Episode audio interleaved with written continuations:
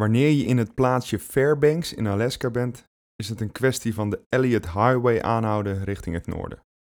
Na een kilometer of drie hangt er aan de rechterkant van de weg een slordig vastgetimmerd aluminium bordje aan een zwarte spar. Daar is het links afslaan en nog een klein stukje doorrijden over een steil bevroren grindpad, alvorens je aankomt op het erf. Het is een beetje een vreemde, afgelegen plek voor een verzameling van misschien wel de beste, onverzettelijkste en eigenzinnigste duuratleten van deze planeet. Luister verder de kant hier uh, gaat hij erover, gaat hij erover, gaat hij midden, gaat hij midden, of is het bot? Is Van Aert! Het is Van Aert! En nog blijft hij dat reusachtige verzet rondmalen. Right now, oh this is absolutely fantastic. What a finale. In fact, I'm asking myself... It's going to be a huge win. Oh, look at Van Vleuten. Inimaginable, inimaginable. Christopher Froome est à pied. Boss yet again. On any terrain she wins.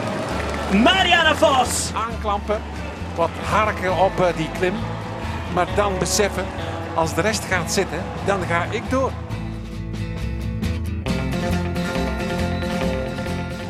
Stoempende vedettes, elegante gesoigneerde hardrijders, snokkende Colombianen en hopeloos gelosten. De koers is meedogenloos, ongrijpbaar en heroïs tegelijkertijd.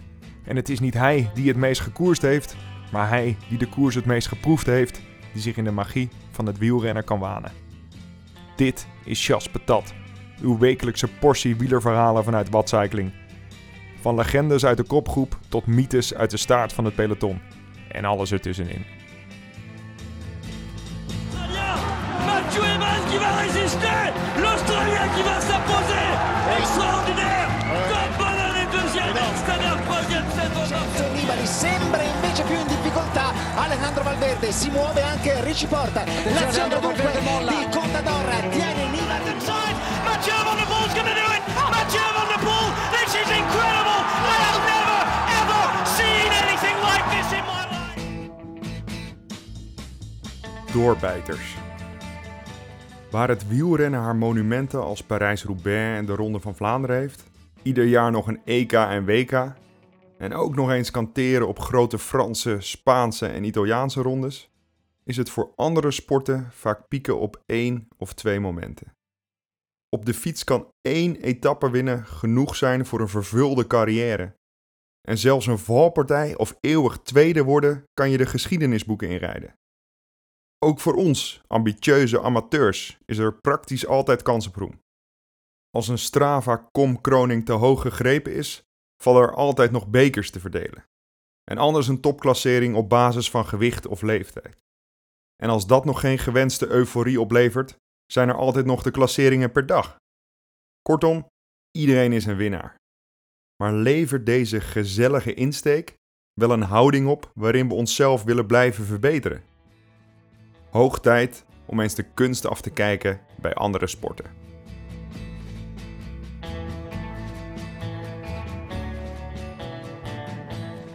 In de hondensleden racewereld bestaan er twee races waar het allemaal om draait de Yukon Quest van 1000 mijl en een paar weken later de Iditarod.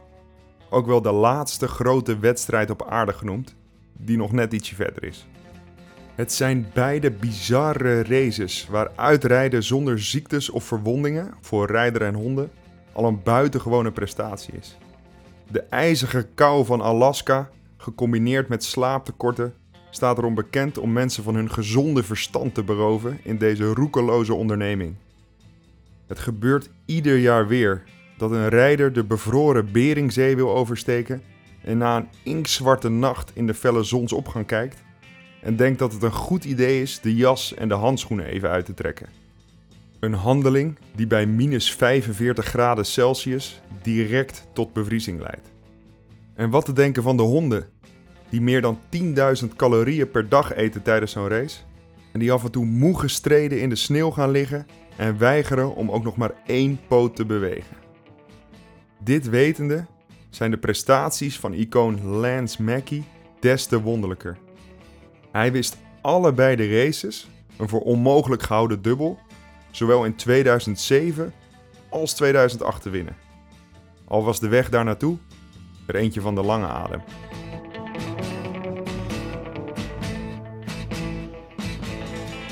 Op 15-jarige leeftijd was Lance een eenmans crimineel bedrijf. Vechten, veel alcohol, nog meer vechten en zonder rijbewijs op pad met de auto om vuurwapens te scoren. Op zoek naar een beter leven voor haar zoon stuurde zijn moeder hem met zijn vader op pad om vanuit een omgebouwde schoolbus voedsel te verkopen aan vrachtwagenchauffeurs die over de Trans-Alaska-route reden. Deze bus zou uitgroeien tot een restaurant met benzinestation en vervolgens tot een heel dorp, genaamd Coldfoot. Het aantal inwoners? 12. Waar de weg naar een beter bestaan ingezet leek, leerde Lance reparaties aan vrachtwagens te verrichten in ruil voor drugs. Een nieuwe fase gevuld met gevangenismuren, vechtpartijen en een cocaïneverslaving diende zich aan. Tot 2 juni 1998. Niet lang nadat hij zichzelf bijna had vermoord met een vuurwapen in een bargevecht, besloot hij cold turkey af te kicken en met zijn vriendin en twee dochters zuidwaarts te trekken. Voor een habbekrats kocht hij daar een afgelegen stuk land, waar hij van een stuk zeil en wat hout een tiny house voor zijn gezin maakte.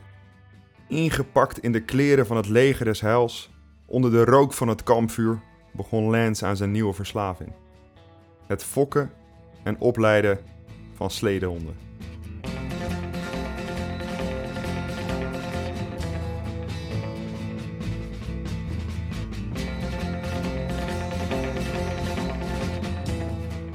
Hij had geen geld om een slanke, sterke husky te kopen, die zichzelf al had weten te onderscheiden in wedstrijden. Dus adopteerde hij de zoon, afkomstig uit een paring van twee afgedankte slederrijders, genaamd Zorro.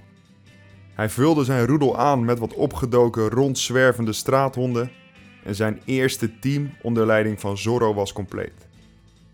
Blaffend en kwispelend trok Zorro de slede al op jonge leeftijd voort. En waar jonge honden nog wel eens wat gas terugnemen, trok de iets te zware Zorro altijd en immer hard aan de lijn. Een aan en blijven gaan karakter dat Lance wel kon waarderen. Zelfs zodanig dat hij besloot zijn hele fokstrategie op Zorro en Zorro's kinderen en kleinkinderen aan te passen. Waar een ongetrainde Alaska Husky al gauw 4 tot 5 keer zoveel zuurstof kan opnemen als een volwassen man, kunnen getrainde huskies een VO2 max bereiken die 8 keer hoger ligt dan die van de gemiddelde man. En net als bij mensen spreken honden de energiereserves in hun spieren aan als ze gaan trainen en krijgen toename van stresshormonen en beschadigen hun cellen. Wij noemen dit doorgaans vermoeidheid of pijn en moeten afwisselend bewegen en rusten om te wennen aan de lichaamsbeweging. Deze sledehonden daarentegen kunnen al rennend hieraan wennen.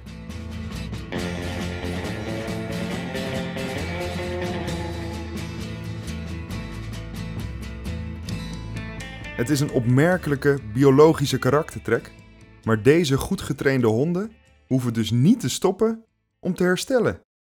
Het herstelproces voltrekt zich gedurende de inspanning. Een fantastisch mechanisme waarop Lance zijn strategie dus aanpaste. Waar zijn concurrenten fokten op tenen met vliezen ertussen die ideaal zijn om over de sneeuw te rennen, of nazaten van goede wedstrijdhonden met een juiste ochtendpolspoot, selecteerde Lance op karakter. Het karakter om te willen, om te blijven gaan.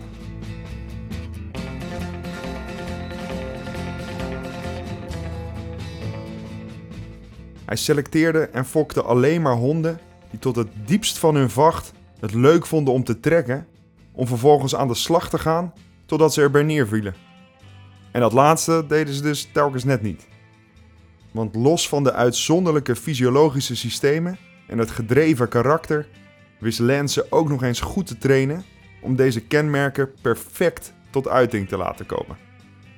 In plaats van alleen maar sprinten van punt naar punt, of marathonstijl op lage snelheid langere afstanden afleggen, besloot Lance deze stijlen in trainingen zorgvuldig te combineren. Een gebalanceerd schema van rustige lange duurstukken, afgewisseld met korte harde stukken, om zo een type hond te creëren dat sneller was dan de lange afstandsbeesten en het langer kon volhouden dan de krachtige sprinthonden. En wanneer Lance zelf even pauze wilde houden, stonden de honden binnen de kortste keren te blaffen of ze alsjeblieft weer mochten gaan. En zo heeft een intervallig bestaan geleid tot intervallige trainingen met uiteindelijk een glorieus resultaat.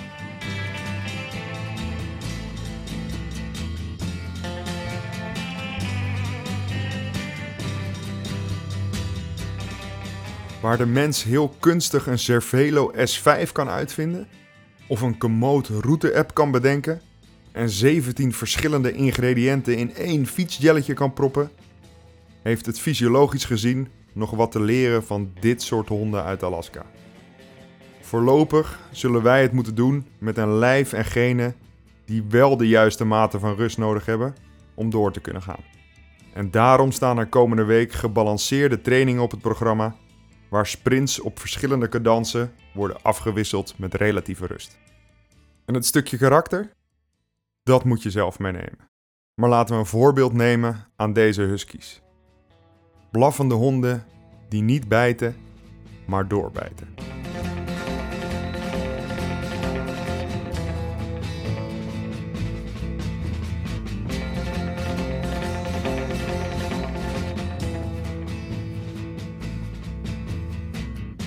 Bedankt voor het luisteren naar Chas Patat. Abonneer je op het Chas Patat kanaal om op de hoogte te blijven van nieuwe afleveringen.